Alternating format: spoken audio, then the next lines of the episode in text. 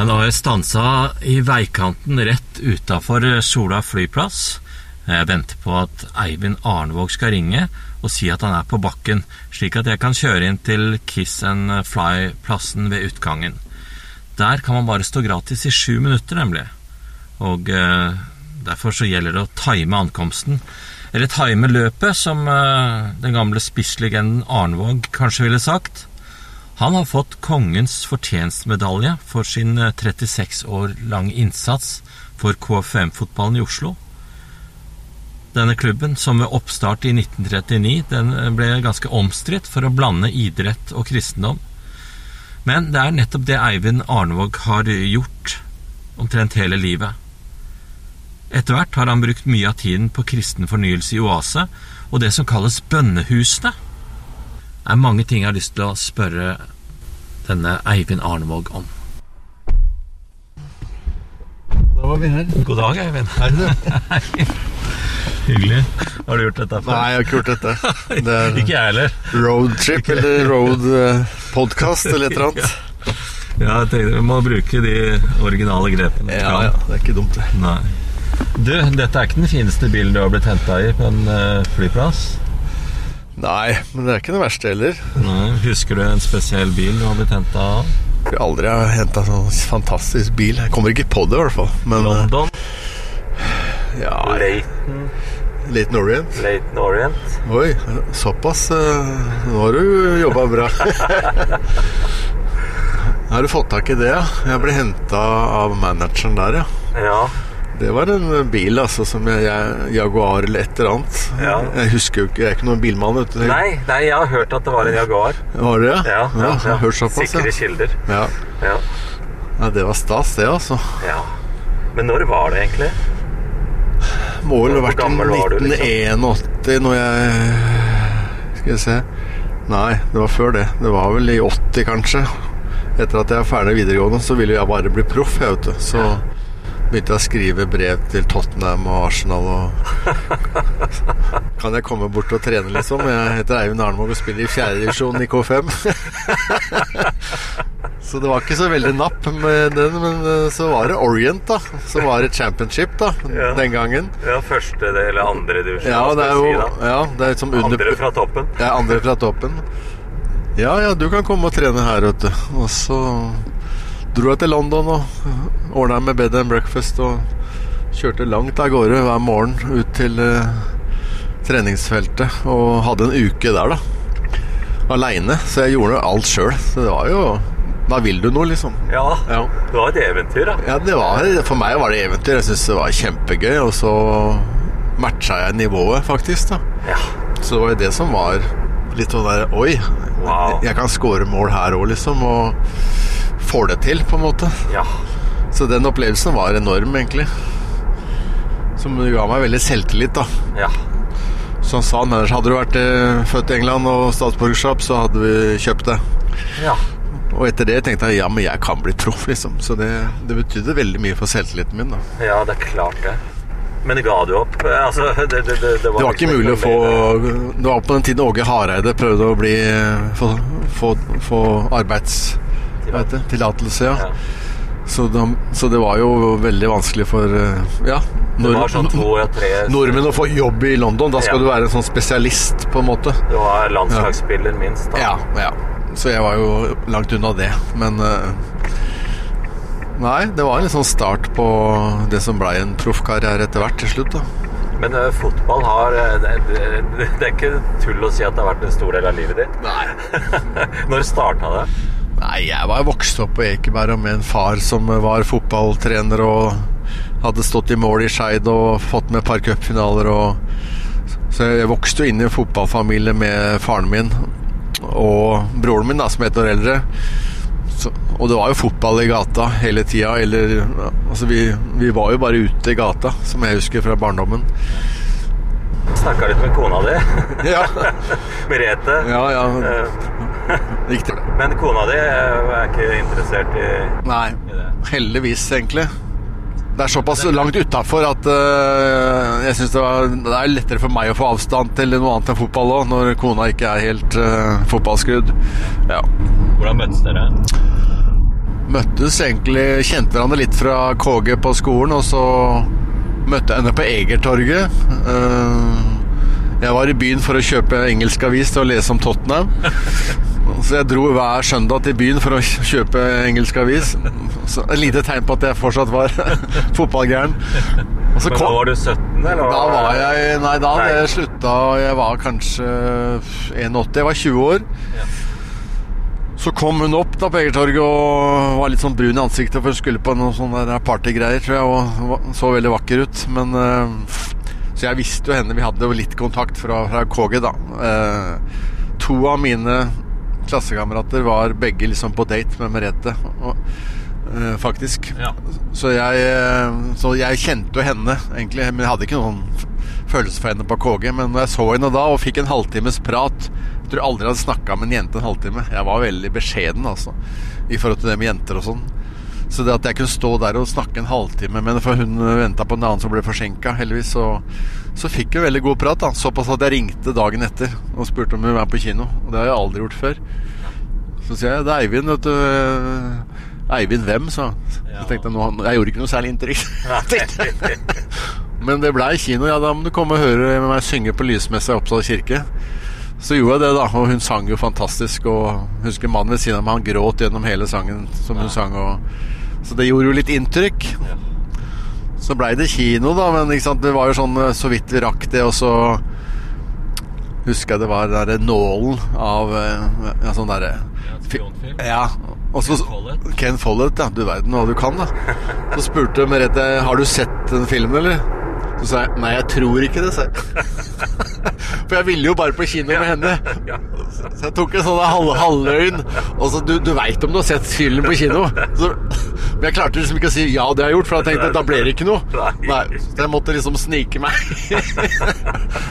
så tok, tok det noen måneder, da. Så jeg eh, sendte, ja, sendte brev og Eller hun sendte brev at jeg tror bare det skal være venner og sånn, og så sendte jeg et brev tilbake som ikke sånn Ja, jeg gjør det samme, kunne jeg tenkt i min stolthet, liksom, men Ja.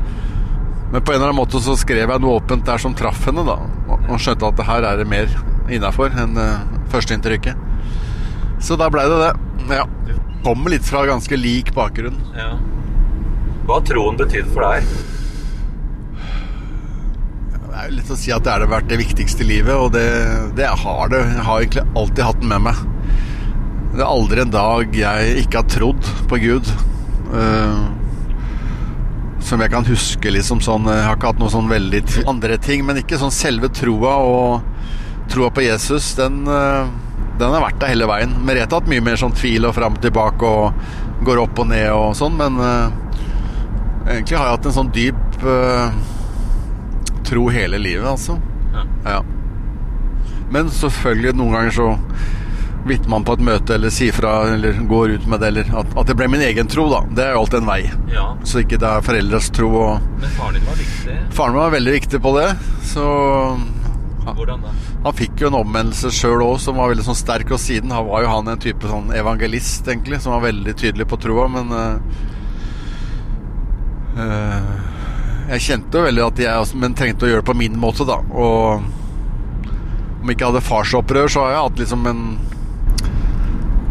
litt eh, hva skal jeg si, anstrengt eller vanskelig forhold til min far hele livet, egentlig, fordi han hadde ikke trua på meg som fotballspiller. Han hadde trua på broren min, og han var mye bedre enn meg og var ett år eldre enn meg. Og, og der var han ikke klok, kan du si. Så jeg har jo strevd med å få anerkjennelse fra faren min. ja.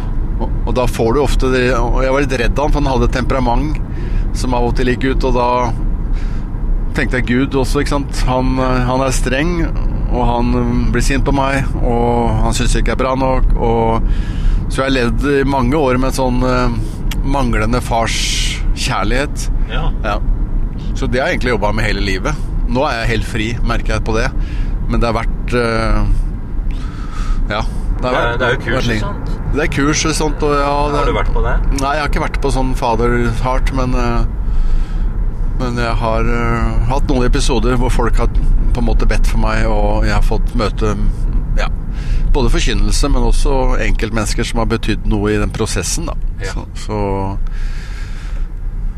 Så sånn er det, altså. Ja.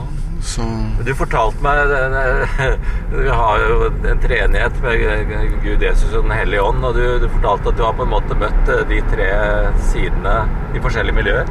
ja. Egentlig så tenker jeg K5 har vært veldig gode på Gud. At vi alle er skapt av Gud, og alle er like mye verdt, og, og den delen. Um, men ikke den farskjærligheten som den, den på en måte holdt jeg fikk andre steder. Men, men retreat og Jesus, Jesus-meditasjon, gå inn i det. Og det tror jeg både for Merete og meg var vår største fornyelse. Um, når vi først var henne, som ikke også kom etter, og så var det oase i forhold til Den hellige ånd, da. Så jeg tror det egentlig er veldig sunt å få litt impulser fra ulike kristne miljøer, da. Ja. Ja, og, øh, for vi blir ofte én menighet, eller jeg er sånn og sånn, eller jeg er pinsevenn, eller jeg er baptist, eller jeg er det. Jeg er det. Og jeg tror jeg, jeg er bare takknemlig for at jeg har fått lov til å få impulser fra mange ulike hold, egentlig. Så retreat og oase og K5 har vel betydd holdt på å si like mye, alle sammen. Ja. Mm. Men i Koffa Ja. det, det, det er jo et, Jeg har jo hørt om Koffa i alle, alle år. Eh, Men, men det, det var ganske omstridt fra starten av. Altså, det var 1939. ja. Da Vel- var det liksom- veldig. Ja. Det var ingen kristne, forteller de meg, de som starta da, at det var ingen kristne organisasjoner eller kirkesamfunn som støtta K5. Alle alle gikk imot. Ja. Men Idrettsforbundet de ønska oss velkommen, Ja. forteller de. Og de syntes det var så sterkt å se at det på en måte Hva skal jeg si Både måten man ble handla på Ikke det om man var kristen eller ikke, men bare måten man behandla på. Så idretten tok de veldig imot, mens kirken bare sto imot. Så de var jo eh, gjorde en kjempepionerjobb, rett og slett, i, i mange år eh, etter krigen på 50-tallet og etter hvert mot 60-tallet og sånn, så, så var det nok flere som aksepterte K5 og idrett og sånn. Men jeg har jo møtt mange som har slitt personlig med, med ja, konkurranse mellom kirken og idretten, på en måte, og at ikke du kunne gjøre begge deler, da. Mm. Men det var ikke skikkelig kristendom? Eller, Nei, de følte vel ikke sant at det var jo det. Enten så var du på bedus, eller så var du på fylla, på en måte. Enten så var du innafor eller utafor. Ja. Det har jo vært veldig mye i Norge, og det er, det er jo fortsatt sånn en del steder. At uh, man forbinder idrett og fotball med alkohol og med damer og med mange sånne ting. Eh, og så er det jo noe sant i det, men samtidig så, så tror jeg ikke Gud, Gud uh, tenker sånn om at vi skal få bruke vår eh, Bruke ånd, vår ånd om kropp og sjel. da Som alt det med bevegelse, trening, idrett, ta vare på kroppen, har jo ikke kjerka vært kjempegod på. Nei. De har vært kjempedårlig på det. Og ikke se den kombinasjonen, og at eh, ja, idrett er er en del av livsutfoldelsen for mennesker. Ja. Eh, så det Der har K5-kameratene gjort en eh, skikkelig skikkelig bra jobb for Norge, altså. Men hva var det som gjorde at dere ble så gode på det å få til begge deler? Jeg tror faren min hadde en stor betydning fordi han hadde den topperfaringen. Topp eh, Ja, spilt på øverste nivå. Og jeg har skjønt etterpå at vi trente veldig både hardt og godt som 10-11-12-åringer. Eh, spilte ballen mye langs bakken. Eh, prøvde å spille fotball, ikke bare sparke fotball, som det var eh, på den tida. Så der var det også litt pioner. Eh, Merka vi at vi hadde et spillende lag helt siden vi var 10-11-12 år. Og det ble Koffa-stilen etter hvert. Og så har det på en måte prega klubben i mange, mange år. Også et A-lag etter hvert. Og, Ja, Det preger jo laget nå som har rykka opp i ja, ikke så mye, kan du si, fordi nå spiller veldig mange den type fotball litt. Men i forhold til når vi var i fjerde, tredje, andre divisjon, så, så var vi veldig annerledes enn alle andre lag. Så det var jo Barcelona som var forbildet de siste ti årene, og husker jeg, og, og, sånn. Men det var faren min egentlig som starta det jeg vil si Koffa-stilen. Ja. Så i 1972 så ble vi Oslo-mestere i K5, og det var jo en liten revolusjon, for K5 hadde aldri hevda seg i, i barnefotballen eller ungdomsfotballen i Oslo. Men når vi vant da i 1972 på Ullevål stadion, faktisk, forkamp Norge-Belgia, 10 000 tilskuere. Ja, slo Årvoll 3-0. Eh, faren min hadde med kamferrolle i, i, garderoben, for det er sånn han hadde når han skulle spille cupfinale. Da følte vi liksom var Da fikk du smaken på toppfotball, da. Ikke sant? Men dette var den kjernen av spillere som egentlig løfta klubben de, de Ja. neste årene? Det var den årgangen som tok oss opp fra sjette divisjon opp til tredje. Og så kom noen årganger som var mer eller mindre Ja, hva skal jeg si Koffa-basert. Men eh, fra med 1980-årgangen, husker jeg, når de 16-17-åringene tok over A-laget litt, så har vi hatt en Koffa-stil. Og hatt veldig mange egne produserte spillere, for å si det sånn. Og, og A-laget har vært veldig hva skal jeg si, basert på spillere som har vært i Koffa og fått utviklingen sin der. Så det er eh, mange, mange års eh, hva skal vi si, både arbeid og utvikling, da. Mm. Og så har man tatt siste steget nå, eh, som ikke jeg har vært med på, oppe i Eliteserien. Ja. Og det er jo fortsatt utrolig å tenke på. Ja, men det er jo, det er jo helt øh, ja, sykt. Det er jo et, det er Ja, ja. et sånt ord man bruker. det er det. Men nå, ja, det, er jo, det, det skal jo ikke gå an. For dere har så små ressurser. Ja, det er fortsatt annerledes klubb og har noe helt andre ressurser enn de vi skal møte nå, dette året her. Så, så det er gøy å se at man kan komme så langt på en annen måte å drive på, da. Men så blir man alltid mer og mer profesjonell når du først har tatt det steget. Så får man jo se hvordan man takler det. Hvordan har det gått med stadion, egentlig? Det ser veldig bra ut. Jeg snakka med en dagleder for to dager siden bare, og det er vel 99% sikkert at det blir spill på Ekeberg. Sier du det? Ja, og det blir gøy, vet du. Ja, ja. Det er ingen av de andre som har lyst til å spille på Ekeberg. Nei. Jeg tror ikke Bodø-Glimt er så og Molde og Rosenborg syns det er så stas. Alle har spilt der i Norway Cup. Ja, ja. Så de, men det er, det er veldig morsomt, og det betyr så mye, da. For at vi har våre egne folk. Vi, det er jo stort sett medlemmer som ser på KFA. Ikke sant? Ja. Det, kunne het, det heter K5 Oslo, men det kunne egentlig hett K5 Ekeberg. Ja. Men på Ekeberg er det jo ikke noe Det er jo bare hester og og det, det, er, det er ikke noe senter som heter Ekeberg. Altså, det er ikke noen butikker. Det er ikke noe næringsliv. Du? Hvis du har Norsland eller Oppsal, da har du et sted. Ja. Men den, hva skal jeg si, den fordelen har ikke vi. Nei, Fordi vi, vi er på Ekeberg, og der er det ingen butikker. På en måte. Nei. Så, så derfor så har jeg tenkt at det å spille eliteserie for Koffa Vi har ikke potensialet i forhold til næringslivet rundt oss. Altså, Alle er jo en by. Er du Fredrikstad, så har du en hel by bak deg. Og har du et sted, så har du et helt sted bak deg. Men vi, det har ikke vi, da. Altså, da, da, hvordan kjenner du altså, Har du begynt å krible i forhold til seriestart? eller?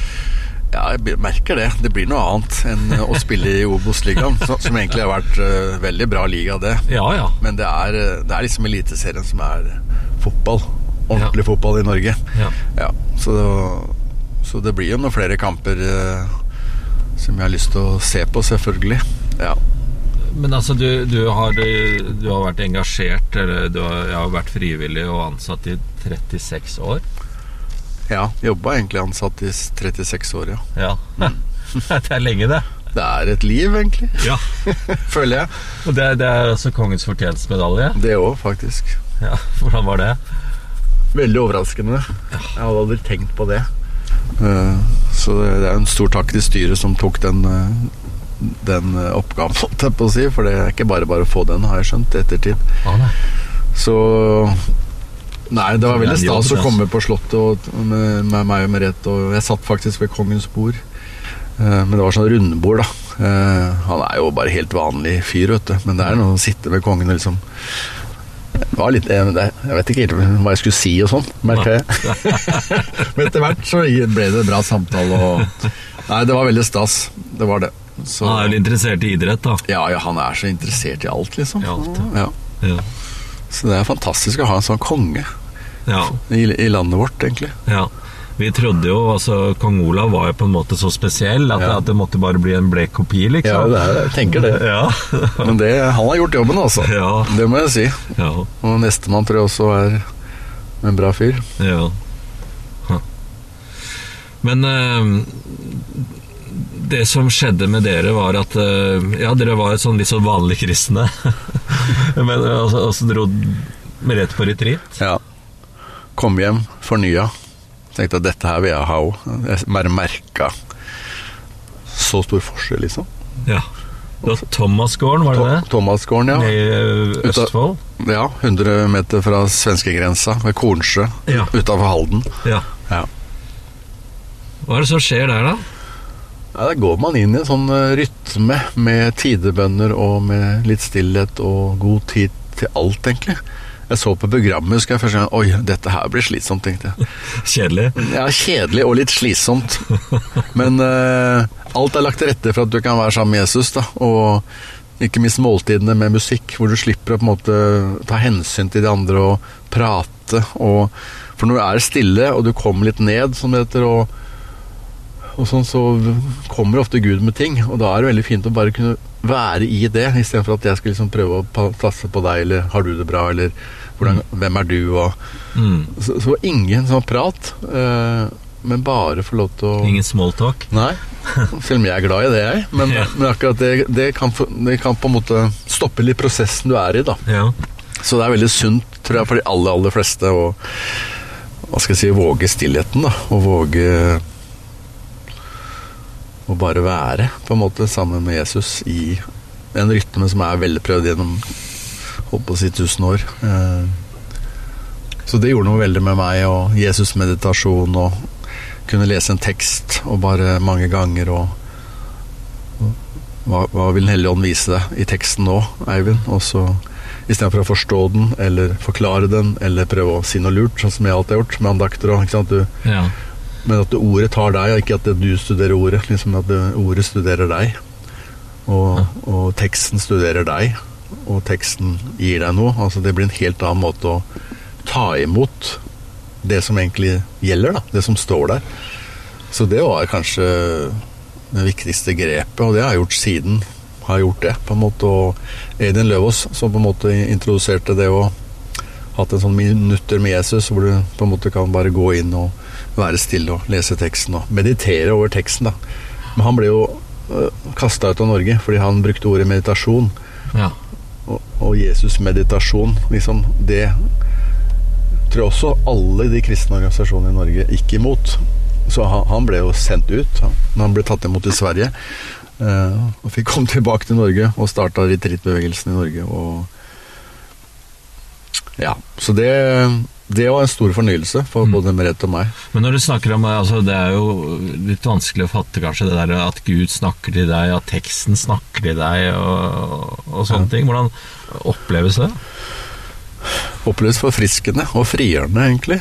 Men hva er det som skjer i eh, kroppen? Nei, jeg tror det skjer at eh, kroppen, som du sier, den er sånn, Vi er nok litt bevisst på det i vår sånn lutherske eh, greie, at kroppen er vår åndelige gudstjeneste, står det i Romer 12, og da er det med at jeg stiller nå kroppen ned, jeg kanskje bøyer knærne, jeg er på gulvet i kapellet, eh, jeg er der lenge nok til at tanker og alle mine egne greier kan legges ned og bort. Og da tror jeg og erfarer jo at eh, da er det lettere for Gud å komme inn, eller Jesus å komme inn, eller Hellig Ånd, og få lov til å Og han har jo bedre veier og bedre tanker enn vi noen gang klarer sjøl. Og det har jeg erfart mange ganger, både i forhold til Vase og Bønnhus og alt jeg har vært med å starte, så har det blitt veldig reelt i livet mitt at hans veier, hans tanker, er jo mye bedre og høyere eh, enn mine. Og da er det jo et poeng å prøve å få tak i hans tanker. Ja, hvordan skiller du det? Det er litt det der at du venter på Herren og er stille og ber, men ikke så mye med ord, men at du faktisk kommer til ro, eller faller til ro. Fall til ro, at kjenne at jeg er Herre, en sånn sang. Altså, Ja. sett deg bare ned. Så bare det å sette seg bare ned for å være sammen med Gud, eh, som egentlig nå kan kalle den ordløse bønnen, og bare bevisstheten på å ikke måtte be engang, ikke måtte uh, fullføre de tankene som kommer, eller finne løsninger som ofte er sånn prega av, da. Uh, men rett og slett bare øve seg på å være meg, da. Uh, sammen med Jesus. Og det er, det er bare øvelse. Jeg tror det funker for alle. egentlig litt sånn er min erfaring. liksom Hvis du Klart, er du veldig rastløs og har veldig sånn tankekjørproblemer, så er det ikke bare sånn. Men, men vi ser jo det på Bønnesø på kapellet hvor vi er hver mandag, hvor, hvor mye dette betyr for folk, og hvor mye skal jeg si, jeg ser jo fruktene av kona mi, da. Det er jo det nærmeste. Hun har jo blitt en bedre person, og jeg har blitt en bedre person. Mm. Men nå snakker du om uh, ordløs bønn uh, i utgangspunktet. Ja, det gikk litt sånn kjapt over fra Jesus-meditasjon til ordløs bønn. Men det, Ja. det henger litt sammen i forhold til at den kommer jo også fra ja, klostertradisjon også, i, i det med stille bønn. da. Ja. Og på Thomasgården så, så er det ofte sånn stille bønn. Du kan gå inn i kapellet og ikke be, men du kan sitte der i fem minutter, ti minutter, gå ut når du vil. Og det, det opplevde jeg nå faktisk i går, og og hadde bønnhusdag i går, og noen for første gang satt sammen og var stille. Og det gjorde noe veldig med han ene mannen, altså. Jeg blir sånn rørt når jeg eh, tenker på hva han sa. Eh, for det hadde han ikke gjort før. Å sitte stille i bønn Nei, og sammen med andre. sammen med andre. Og noen har prøvd aleine og syns det er vanskelig, og det kan jeg skjønne. Det er kanskje lettere sammen med andre noen ganger, for da sitter vi i en ring. Kanskje to eller tre eller fem, eller Ja. Og så er vi alle sammen med på at Ja, men nå er vi stille alle sammen. Mm. Istedenfor at jeg skal sitte aleine på rommet mitt hjemme og være stille. Det, Mm. den, den merker jeg, og det er mange som syns det er vanskelig, og det, Mm. det kan jeg skjønne. Så faktisk det å være et fellesskap med stille bønn først, er nok lettere inngang enn å gjøre det sjøl. Mm. Ja. De sier jo at det skjer noe sånn nesten fysisk når mange sitter sammen og mediterer. Da. Ja. Det har jeg på Thomasgården også, at når vi sitter sammen der, jeg kjenner ingen av de andre, så får jeg en kjærlighet til de andre menneskene som Mm. jeg ikke kjenner. Mm. Ofte sånn hvis vi skal snakke om hvem Ja, du og sånn så Smalltalk, ikke sant, sosialiseres. Altså, ja, men Ja. Han, er, han er ikke min fyr. Altså, han er, hun er slitsom. Han, han, holder, han holder meg litt unna. Ja. men det er sånn Men det skjer på retreat øh, og i den stillheten. Og så på bønnehuset merker jeg at vi Hvis alle på en måte søker Jesus sammen, Mm. Der ligger kraft, for det er jo Jesu navn. altså Vi velsigner hverandre i Jesu navn. Og at Jesus får lov til å være midtpunktet. Mm. Eh, Akkurat som å sitte rundt et bål. da Så ser, ikke sant? Det er litt sånn herlig å sitte rundt et bål, alle bare holdt på å si kunne være stille, og så ser du alle på flammene og, og har det fokuset. da Og hvis det er Jesus, så skjer det noe, som du sa, i rommet. Det skjer noe i den åndelige atmosfæren. Det skjer noe med meg. Um, uten at det er noen prestasjon. Mm. Eh, Nå er du på bønnehuset, og, og, som er blitt veldig viktig, og det, det, har jeg, det kom jo også et sted fra. Jeg har lyst til å snakke med deg om det, for jeg syns det er så spennende med dette retreatstedet borte i Wales, Ja. som eh, Roy Godwin Ja, og kona riktig. har starta. Ja. Hva, hva er historien bak det? De kom jo til det stedet som på en måte var egentlig litt sånn nedlagt, og så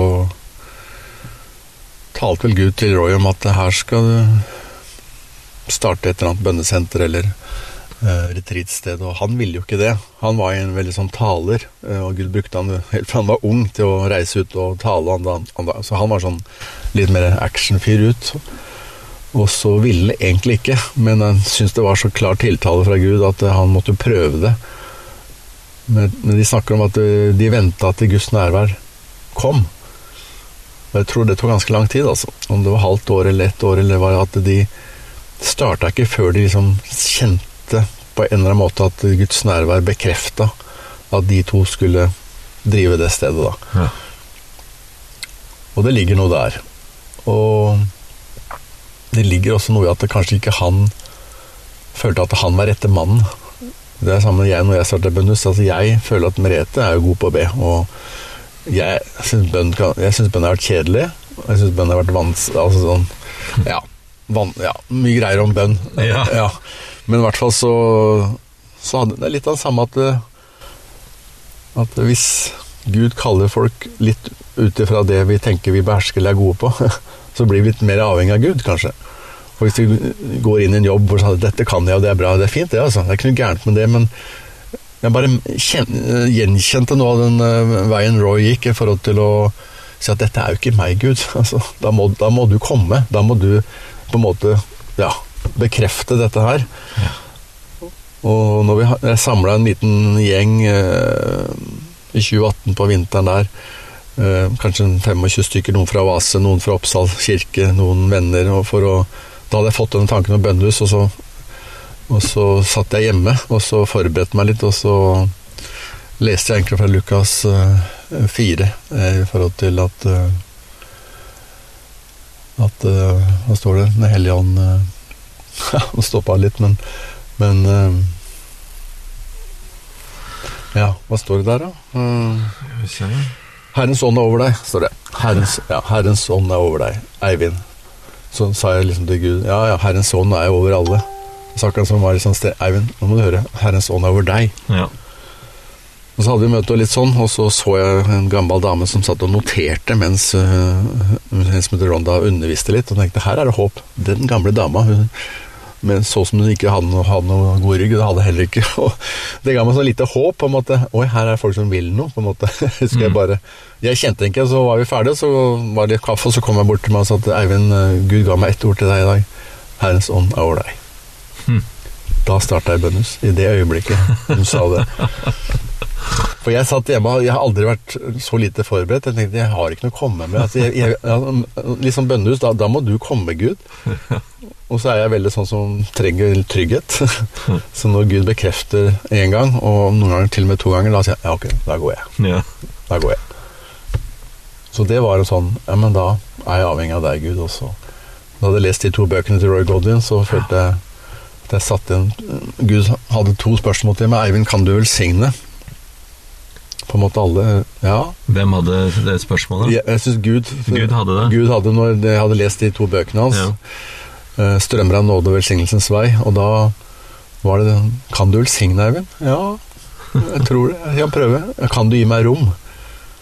Og den kjente jeg tok litt. Ja, hva betyr det? Og det lærte jeg også litt av Roy. Liksom, når Han sier han var jo velsigna tusenvis av mennesker. Ja. Var, og, og, så står han der, og så skal han velsigne meg, da, f.eks. Komme fram og sier han bare 'I bless you in the name of Lord'.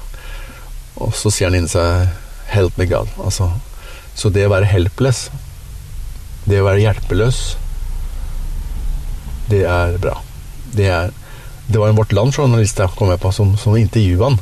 Og så, så spør han hva er det med fall det brenner, og folk blir helbredet, og det skjer så mye der, og fantastiske historier, og hva, hva er det dere gjør? Har dere liksom tre punkter, eller hvordan? Ja. Nei, sånn I think it's all about uh, being helpless. ja.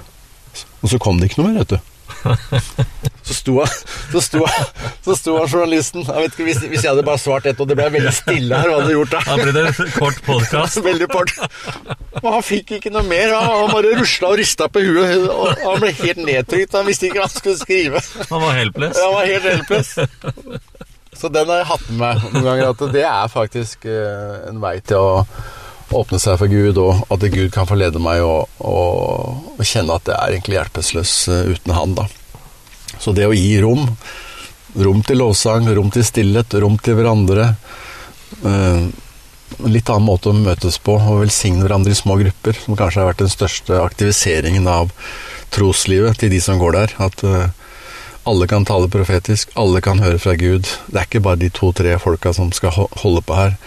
Nei, det er alle. Og så sto at han kalte alle til disipler, Mm. ikke til tilskuere eller heiagjeng. Ja. Nei, men alle skal spille på banen, liksom. Alle skal ut. Eh, Du sa litt om Det- at kirka kanskje har, har det som litt problem, da. ja. At vi blir passive. Det er en passifiserende måte å møtes på til ofte til gudstjenester. Mm. Det er veldig flott, men Tilskuer. tilskuer Ja, det var bra låsang i dag. Nei, det var ikke så fin tale. Presten var ikke så god. Nei, kaffen var, var kanskje ålreit, men eh, litt sterk, kanskje. ja, altså, det, skjønner du? Altså, du altså, vi møtes, og det er, vi trenger det. Men hvor, hva, hva har det gjort med deg? Mm. Og, og noen av de som snakka med i går på bønnehuset, hver gang jeg går fra bønnehuset, så kjenner jeg meg mer oppmuntret. Det er sterkt å høre, da. Mm. Og det er ikke fordi vi er så flinke eller gjør så, men det er faktisk å gi Gud plass, gi Gud rom, stole på at Helligånd kommer når vi ber at den skal komme. Mm. Men da må vi på en måte komme litt med tomme hender. Ikke helt fullt opp i huet med alt mulig rart, og ikke ja, stress og ikke press og ikke press. Det er veldig mye vi bærer med oss inn i et møte, inn i en gudstjeneste. Mm. Så, så det er ikke lett å si at det, vi er et supplement til alle typer møter og gudstjenester. Det er ikke noe bedre Det er ikke noen konkurranse. Det er bare et sånt ekstra supplement som veldig mange har glede av, tror jeg, ved at her kan du bare hvile. Og hvile så lenge du vil. Du bør ikke be en bønn engang, selv om du kommer på bønnehuset. Og det merker vi at folk trenger, da. De fleste vi ber for, og sånn, det er, de trenger hvile, altså. De trenger å stoppe opp. De trenger å hjelpe seg sjøl til å la seg betjene av Jesus, egentlig. Mm. Og da er det egentlig tid. Komme ned i kroppen. Puste med magen. Senke skuldre. Bruke tid. eh, take a pause. Og så tror jeg Gud har større sjanse for å komme med det han vil. Istedenfor at jeg kommer med mine greier og ber han velsigne det. Og det er fint, det, men det er noe helt annet. Og derfor merker jeg at vi, når vi øver på disse gruppene og lytter til Gud for hverandre, sånn som, så, sånn som i går òg, det skjer noe hver eneste mandag. At folk blir berørt, eller folk blir oppmuntra, eller det taler rett inn til Så er det så mange vitnesbyrd ut ifra fruktene, da. Av et veldig enkelt opplegg. Ja. Ja. Ja, men dere setter dere ganske mye tid da, hver mandag. Altså, du bruker hele mandagen du, på Ja, dette her. jeg gjør det, Fra altså. morgen til kveld. ja. Og det har vært noe veldig godt for meg, egentlig. Det blir en liten retreat uh, Ja, i hverdagen. Jeg gikk jo sammen med Kåre Sk- Skråmestø, sammen med Oppsal kirke. Vi starta, for det er jo det er ikke så mange som kan være der på dagtid, egentlig. Så vi starta det, og han var der. Vi to var der hele tida i det første året, tror jeg. og etter noen uker sa han hva som skjedde med oss nå, Kåre? Så jeg, går vi i kloster, eller? for det var den derre Ja, men de andre går, ja, men vi går ikke, vi er her. Og så er det åpent hus. Få kaffe og te og samtale og forbønn. Og vi har alltid en bønnevakt. Det er alltid åpent. Eh, Så du kan lage en egen retreatdag. Og så er vi disponible da, til folk som kommer. Og det er noe veldig bra med det. Men dette er ikke jobben din. Nei, det er på en måte 20% av jobben min, da, siden lederskapet sa at eh, jeg kan bruke en dag på dette her. Nå bruker jeg jo mer enn det, men, men, eh, men lederskapet står bak. Og da snakker vi om oase. Det er oase. Så vi, vi, er, vi er et oase-bønnehus fordi det er lederskapet i oase som på en måte bestemmer eh, Mhm. tingene. Men da må vi tilbake til jeg tror det er 1977. Ja. Og eh, da, da det begynte å skje noen merkelige greier. ja. Det var en sånn guttegjeng, nærmest. Så, Det var vel det. Oddvar Søvik, eh, Jens Petter, Jørgensen, Jan Gosner, Jan Gossner. Eh, Clara Lie tidlig, som døde nå i fjor, men som også var med. Det var Ja. mange, som, mange navn som var med derfra, men det var en liten gjeng, som du sier. Ja. Og, det, og det var jo litt i etterkant av den Jesusvekkelsen, da. Ja, Det hadde skjedd veldig mye i Norge de åra der. ja.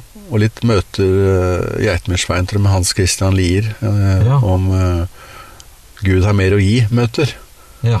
Så det tror jeg var, eh, har jeg skjønt, mer en oppstart til møtet som skjedde i Storsalen, da. Som var et Helligåndsseminar. ja. Og de, de håpa på 100 og 200 mennesker. Ja. Så ble det 1200. ja. det, var, det var såpass, ja. Og det var, det var ikke noe vanlig møte. Det, det, tok jo helt av. Ja. Folk gikk på kne, har jeg skjønt, og det de- mange forteller, at de der klappstolene På et eller annet tidspunkt så klappa alle stolene sånn. Klappa. For at alle gikk på kne. Ja. Og så var det telefonkiosker, og det sto lange køer for folk måtte ringe hjem og be om tilgivelse. Ofte til kona har hørt. Jeg, vet, jeg, vet, jeg har ikke hørt det motsatte så mye, men i hvert fall veldig mange mannfolk som måtte ringe og be om tilgivelse. Så, det, så Oase ble jo født eh, på kne. ja. Ja. Du kan si det ble ikke født med arma i vær og hei og hå, men det ble født eh, med en synsbekjennelse og jeg tror et mye ærligere liv hos mange av de pastorene og prestene som har snakka om dette her, da. At uh, det skjedde noe der. Ja, jeg, jeg var jo altså Da var jeg, var, var jeg var ni år, men da, nei, i 1980 så var det da første oase i eh, Kristiansand. Ja. Og der var jeg. Var det det? Og der var jeg tolv år gammel. Oi, oi, oi. Og mamma sier at jeg ville overhodet ikke dra på dette kristne stevnegreiene.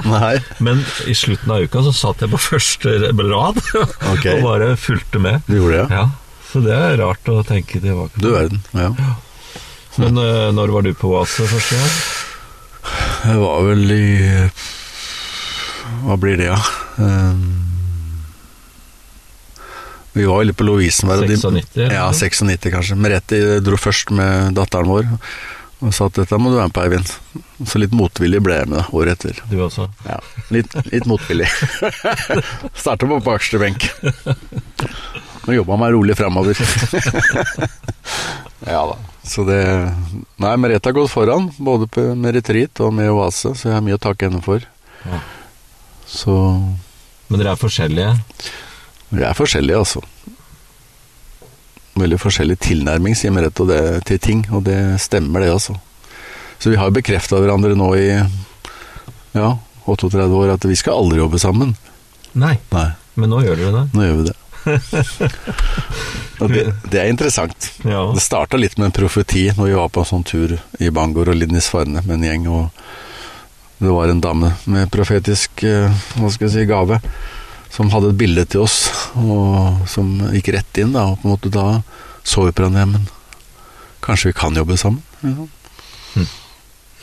Så det også var Guds inngripen, rett og slett. Ellers hadde du, ikke sant, Når du bekrefter ting gjennom et helt ekteskap i mange år, at det, sånn er du og sånn er jeg, og Ja. det skal ikke vi gjøre sammen. Nei. Du er alltid så positiv du, Eivind. Sier kona di. Ja, hun sier det. Er det gærent òg nå, da? er ikke det bra, da? Er ikke det Mens hun er grundig, Ja, hun er grundig. Og tenker over tingene. ja. Og du sier nei, det går Nei, det går bra. ja.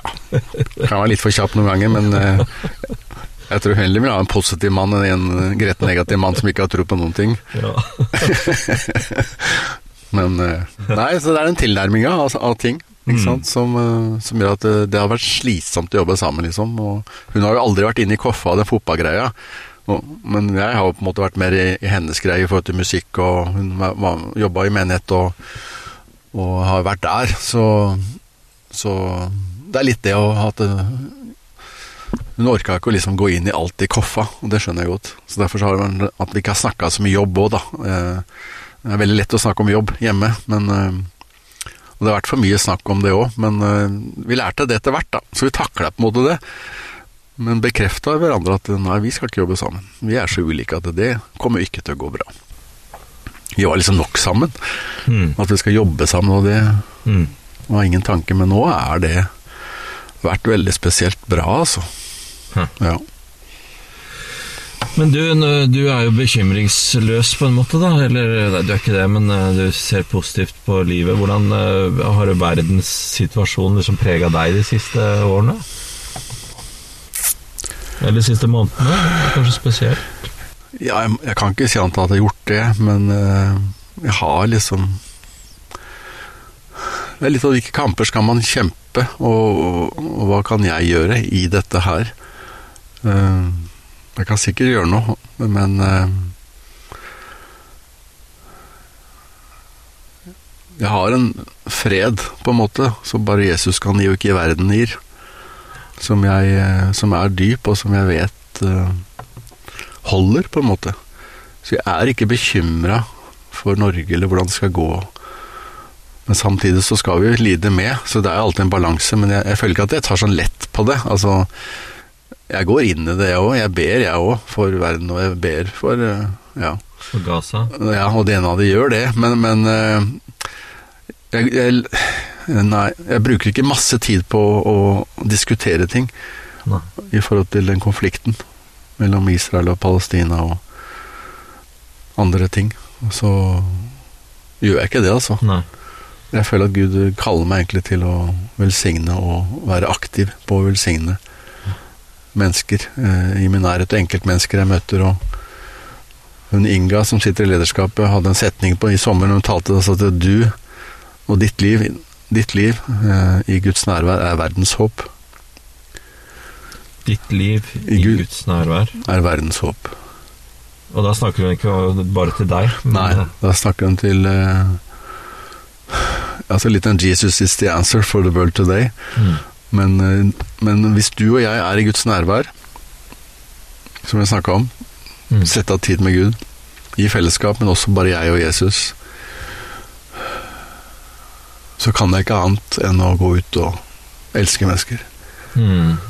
Og hvis jeg kan velsigne og gi kjærlighet til mennesker jeg møter, hvor jeg måtte være i verden, så er det et nytt lys og nytt håp for verden. Mm. Så sånn tenker jeg at vi alle på en måte er kalt til å være Vi er verdens lys, og så- vi er dere er verdens lys. Men da må vi bli tent, eller da må vi ha tid til å fylles. Jeg kan være bekymra, jeg kan gjøre mye, men, men vil egentlig ikke sette opp mot hverandre. Men, men, det er noe med at eh, hvis jeg har en fred og har en kjærlighet til overs, da, ikke bare tenker meg sjøl og er bekymra av det ene og andre og stressa og pressa, og sånn, da, da, har vi jo mer enn nok med oss sjøl. Og sånn er det med hele den sosiale medier-greia òg. At man blir så opptatt av seg sjøl at du har ikke så mye overs til andre. Jeg leste noe om eh, for et par år siden at et universitet i USA der målte, målte de liksom eh, empatien, og den hadde gått ned 40% på de siste ti årene. Og det er et skikkelig alvorlig skudd mot verden. For hvis ikke vi har empati, hvis vi ikke har medfølelse Og Jesus hadde inderlig medfølelse med hvert menneske han så, og han er vårt forbilde. Og hvis ikke jeg har kjærlighet mer enn til meg sjøl, eller medlidenhet mer enn til meg sjøl, så er ikke jeg med å skape den verden Gud har skapt, og den Jesus døde for. Så for meg er det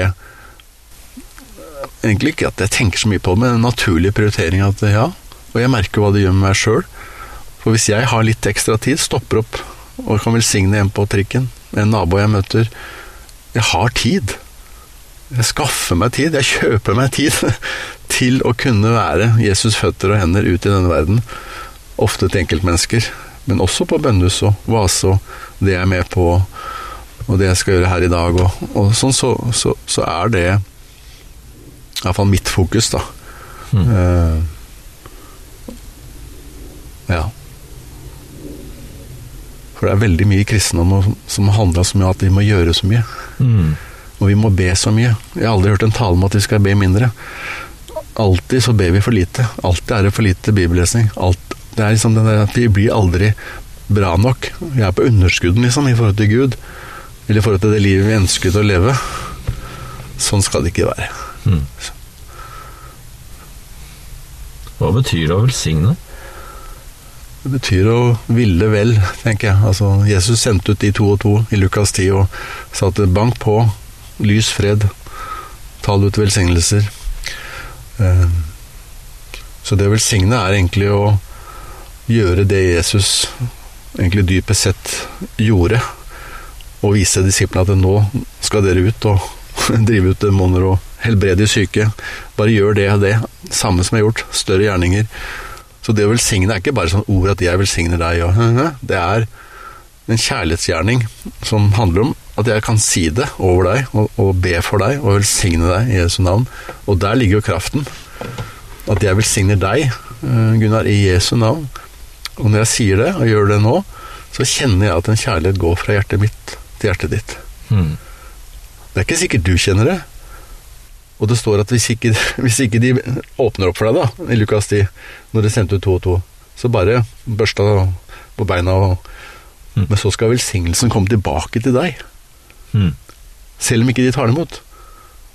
Så det er en ganske vinn-vinn-situasjon. For at når du velsigner, og du begynner å gå på velsignelsens vei, den boka til Roy og det vi øver på i det, så velsigner jeg naboen jeg ikke liker. Jeg velsigner den politikeren som jeg håper jeg kan hate, eller som jeg bare snakker dritt om. Mm. Vi er kalt til å velsigne, ikke forbanne. Så det ligger så dypt gjennom hele Bibelen med velsignelsen. Men kan også være å hjelpe til, på en måte? Altså, ja, ja. Altså er, ja, ja. Masse gjerninger ut fra det. Ja. ja. Så det er ikke bare at du skal be og si det hele tiden. Det er ikke bare de orda? Liksom. Nei, det er, det er, like mye praktiske hverdagsgjerninger. At du husker på naboen, at jeg måker for naboen, at jeg spør hva kan jeg gjøre for deg. Mm. Eh, men jeg tror ofte vi er veldig kjappe på at vi skal gjøre så mye.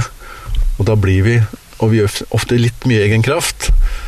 Eh, som gjør at de blir litt fort slitne, og kanskje ikke alltid er hva skal jeg si, i det Jesus ønsker at vi skal være i, da. Mm. Eh, fordi han har skapt oss med nådegaver.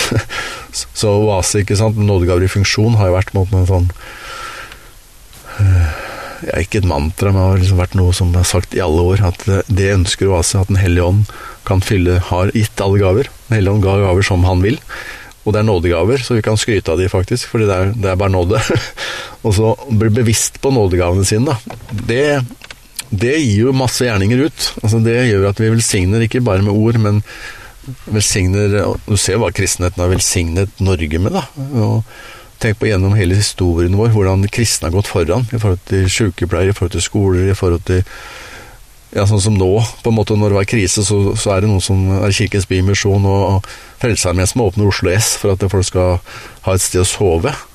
Ja. Eh, så de kristne verdiene har jo prega vår, vårt land i tusen år, og det skal vi feire nå, eh, dette året, med kristenretten. Eh, så, så de kristne Ja, de kristne verdiene har betydd for landet vårt. Dette er jo en annen diskusjon, da, holdt jeg på å si, annet tema. Men så har iallfall det betydd så mye for Norge.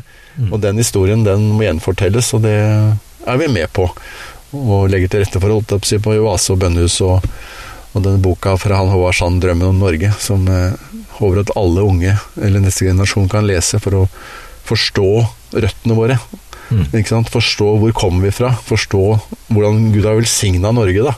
Før Olav Helle kom, på en måte, så ble den ja, fra den keltiske eh, arven på en måte gitt oss. Så det at vi glemmer rettene våre eh, som nasjon, det er alvorlig, det. Men Det kunne du snakka mye om, men det gjør ikke jeg nå. Nei, men det, men det er ikke akkurat den fortellinga som fortelles i Norge nå. Nei. Det er jo kristenhetens liksom eh, skyggesider som, Ja. eh, som dominerer, da. Det er helt klart en motsatt eh, trend nå. Mm. Det er ikke populært å være kristen, og det ja, det har nesten aldri vært så tøft for mange å være kristen som, som barn og unge på skolen. Nei. Og det begynner jo der, med barna våre og ungdommene våre. Mm. Nei, Det er ikke kult. Ikke kult i det hele tatt. Og så får de jo så mye inntrykk fra verden, så, så, og de, de får kanskje ikke det beste fra verden Nei. Nei så, det, gjennom sine TikTok-kanaler. er, eh, så de må, de må skikkelig stå sammen rundt det, altså. I, Mm. Og Derfor er den enheten blant kristne så viktig i vår tid, og at vi skjønner det. Ja. Blant annet å velsigne barna og tenåringene og generasjonene som kommer nå, da. Mm. Men uh, Roy Godwin uh, Jeg syns det er så fantastisk navn på en fyr. Godwin. Ja. Jeg, jeg sa det på altså, jeg tulla egentlig. Sant, Han heter Roy Godwin. Ja. Han heter egentlig ikke det. Han gjør ikke det? Nei, han heter Roy Jackson, nå sa jeg. Oh, ja. Men han har bare tatt det som kunstnernavn. og da Jeg vet ikke om alle tok den, men jeg, jeg, jeg syns det var litt morsomt, da. ja. Du heter Godwin, liksom. Ja. ja Å drive på den måten. Ja, driver- Etternavnet Gud vinner, så her står jeg. det må jo gå bra. Jesus betyr 'han som frelser', Ja, Jeg hørte jeg noen rykter om. ja. Gjør du ikke det? Men, men Roy Godwin, altså han øh, Jeg har jo lest de der to bøkene, og de, de forteller om en sånn kraft i den velsignelsen som er helt sånn uhørt. Ja. Fordi de forandrer jo ikke bare seg selv og andre, men, men nabolaget, altså det fysiske Ja. rommet rundt dem. ja. Vi lever jo i en åndelig verden, og den er faktisk mer reell enn den fysiske, Ja. tenker jeg. Mer og mer. ja. Fordi se det, ha det usynlig for øyet, sier jo Paulus. Og det å liksom vite at det er en Gud, da, at det er en himmel, at det er, det er en åndskamp på en måte også som hele tiden er der, så, så er det det som avgjør livene våre, er jo det åndelige. Det er hjertene våre. Mm. Hvordan vi tar vare på hjertene, og hva vi fyller hjertene våre med. Og det er, det er åndelig, fordi vi kan ikke konkretisere det. Vi kan ikke si 'se her', men vi ser alt det synlige og er opptatt av det. Eh, Så det å ha fokus også på det usynlige, da, og, og vite at det er en åndelig verden, og når vi da velsigner denne skolen her, eller denne ja, butikken her, eller Denne bilen. denne bilen her, eller ja, Vi kan velsigne alt. altså De sa at de blir velsigna kuene, og de har aldri vært så store borti Wales der. Det går an, det òg. Det er jo Gale-Mathias. Ja, det, det er rart, men altså Men no, det er litt det med autoritet, at du, når du velsigner gata di, så, så, så er du med å endre litt atmosfæren i den gata du bor i. Mm. Så derfor har jo disse Du åpner opp, er det noe sånt? Altså, Du du åpner opp for Guds uh... Du åpner opp for Gud at han skal velsigne det huset der, de som bor der. Mm.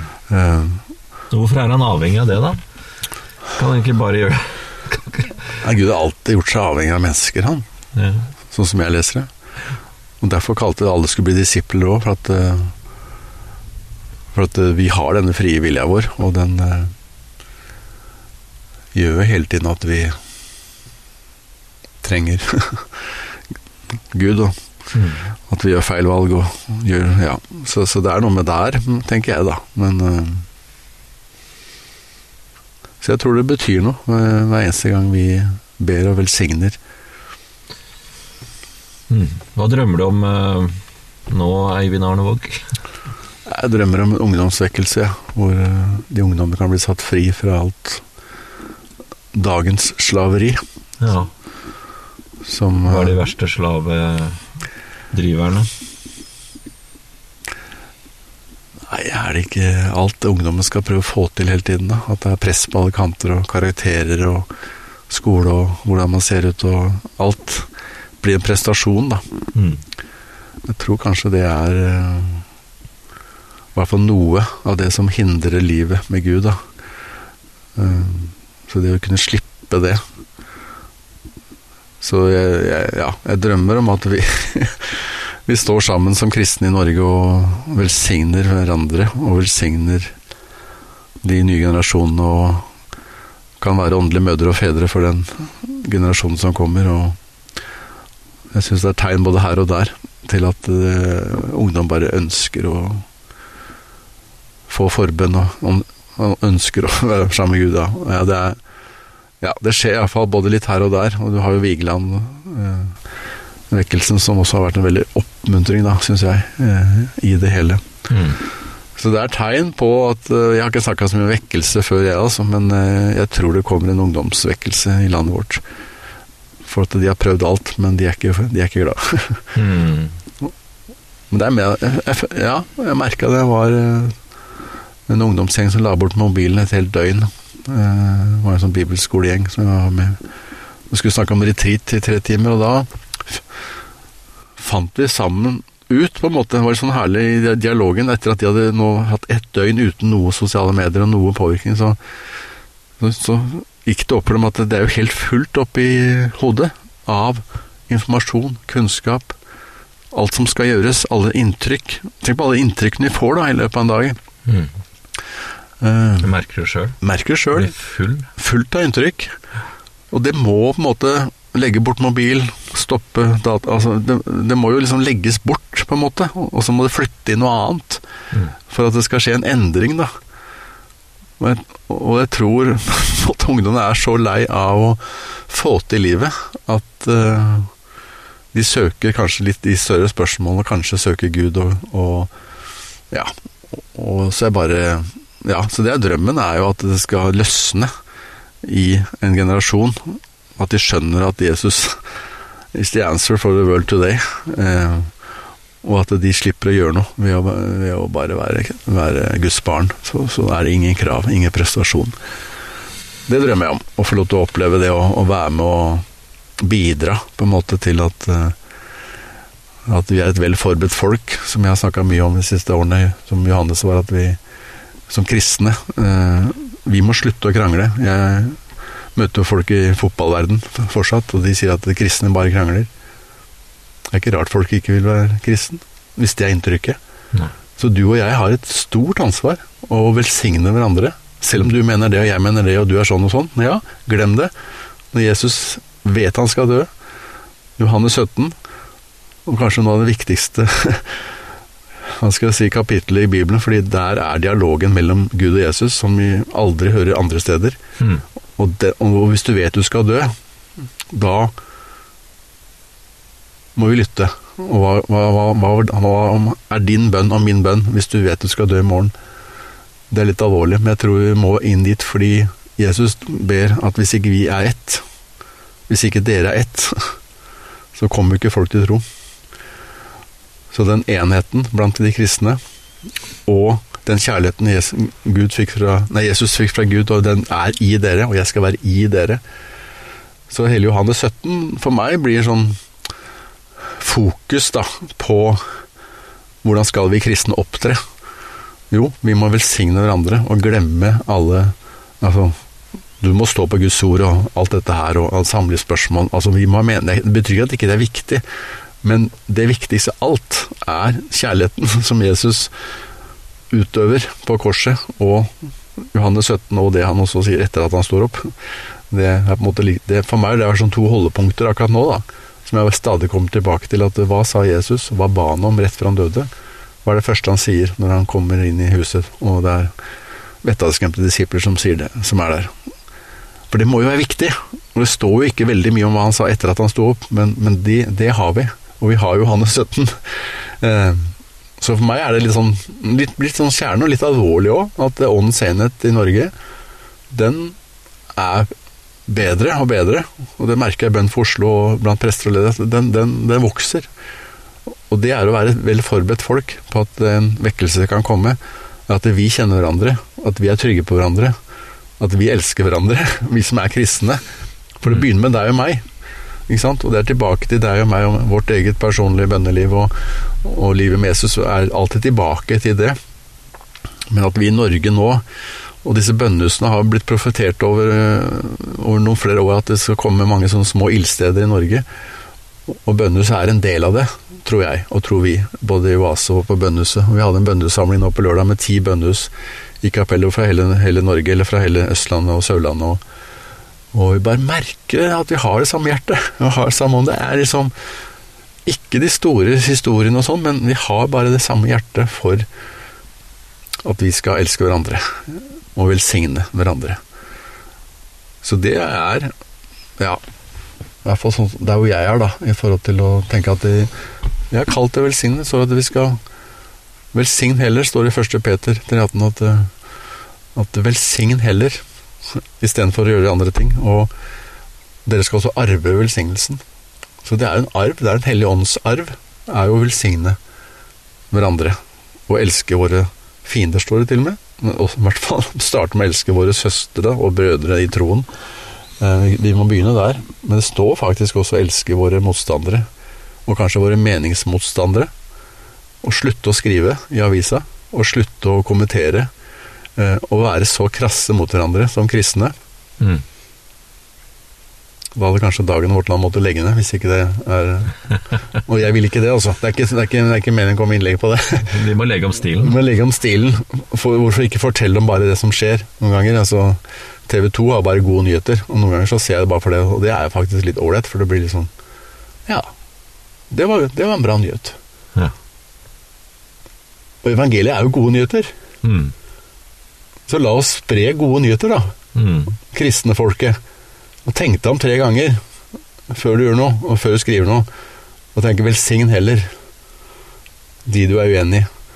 Betyr ikke at du skal velsigne hva de har gjort, hva de har sagt, holdningene deres. Betyr ikke sånn. Det er ikke noe lettvint greie. Men det er det vi er kalt til. Amen. Amen. Takk for praten, Eivind Arnevåg. Ja, i like måte.